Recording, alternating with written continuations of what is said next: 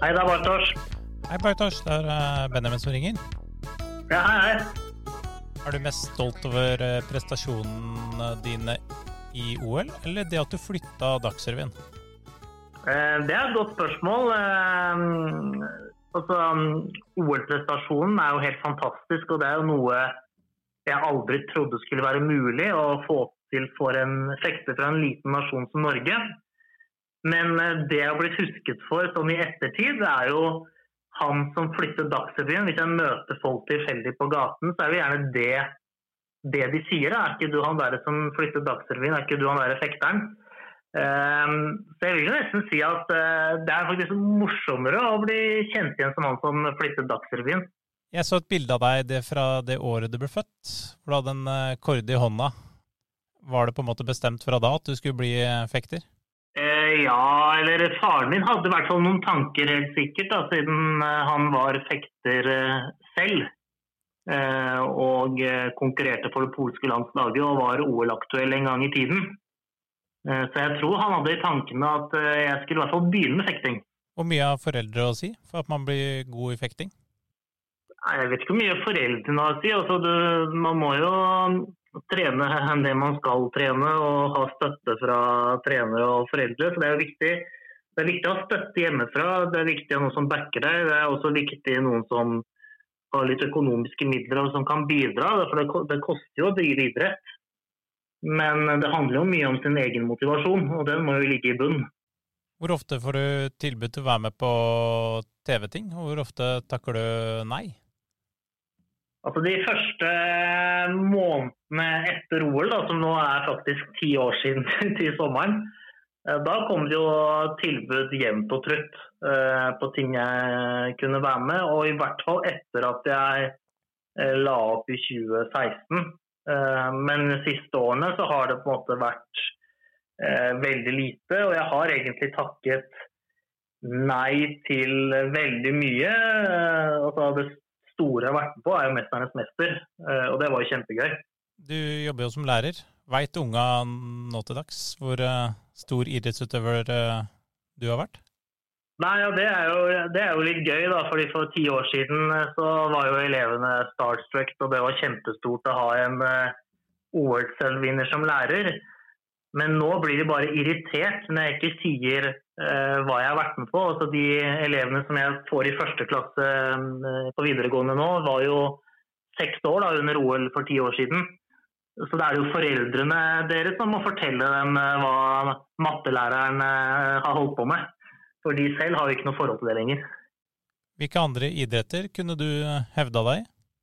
Jeg hadde mm, klart å hevde meg i mm, tresteg og høydehopp, tror jeg. Altså, jeg har jo to idrettsforeldre hvor en eh, far som drev med fekting og en mor som drev med høyde og tresteg. Og moren min påstod hele tiden at uh, hadde jeg drevet med hennes idretter, så kunne jeg blitt olympisk mester. Det får vi aldri vite. Og Jeg har jo anlegg, jeg er ganske spenstig og høy, så jeg har jo anlegg for både tresteg og høyde. Uh, Så det har jeg tro på at jeg kunne hevde meg i også. Utenom selve fektingen, hva er det som er viktig for en eh, fekter? Hvilke ferdigheter må man eh, ha? Fekting er en veldig sammensatt idrett. Det er på en måte vanskelig å peke på noe konkret. For du skal jo eh, både være hurtig, og du skal være spenstig, og du skal ha teknikk og taktikk, og du skal ha et konkurransehode. Men det man ser er at når man kommer på et visst nivå etter hvert, og alle begynner å få ganske gode tekniske og taktiske ferdigheter, så går det fryktelig mye på det mentale. Eh, Og det å kunne avgjøre jevne kamper, for det blir veldig mange jevne kamper eh, i fekting.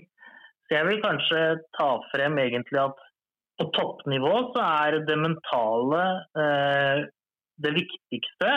Men når du vokser opp og konkurrerer i yngre klassene, så er det mer nok teknikk og taktikk.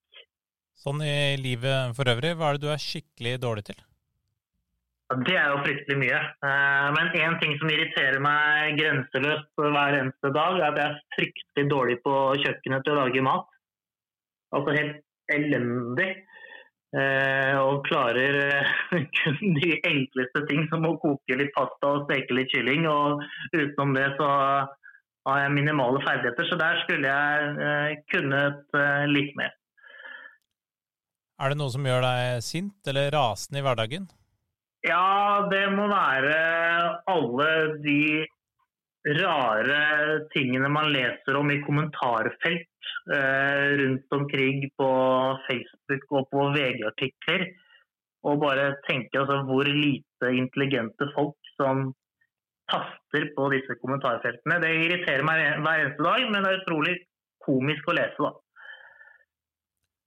Jeg jobber jo øh, som lærer, og på skolen så skjønner alle at norsk- og mattelærere de er litt over kunst og håndverk og kroppsøvingslærere.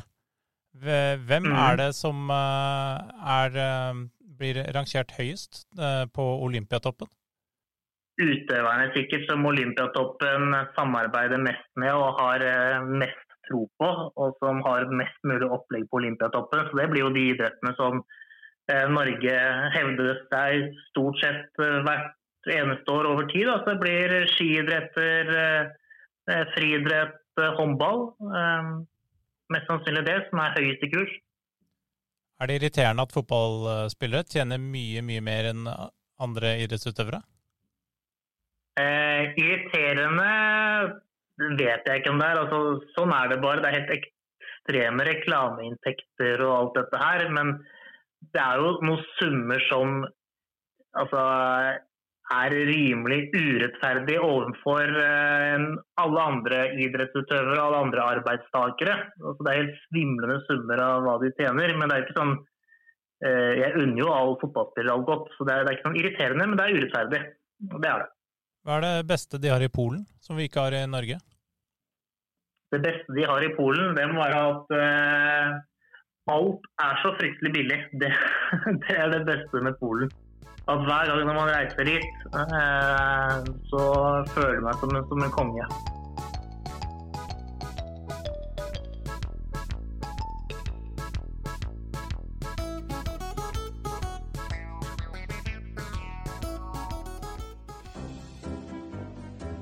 Denne meningsutvekslingen ble produsert av Mottaket Media, et lite podkaststudio i hjertet av Lillestrøm. Sjekk mottaket.studio på verdensveven, eller søk oss opp på Alta Vista.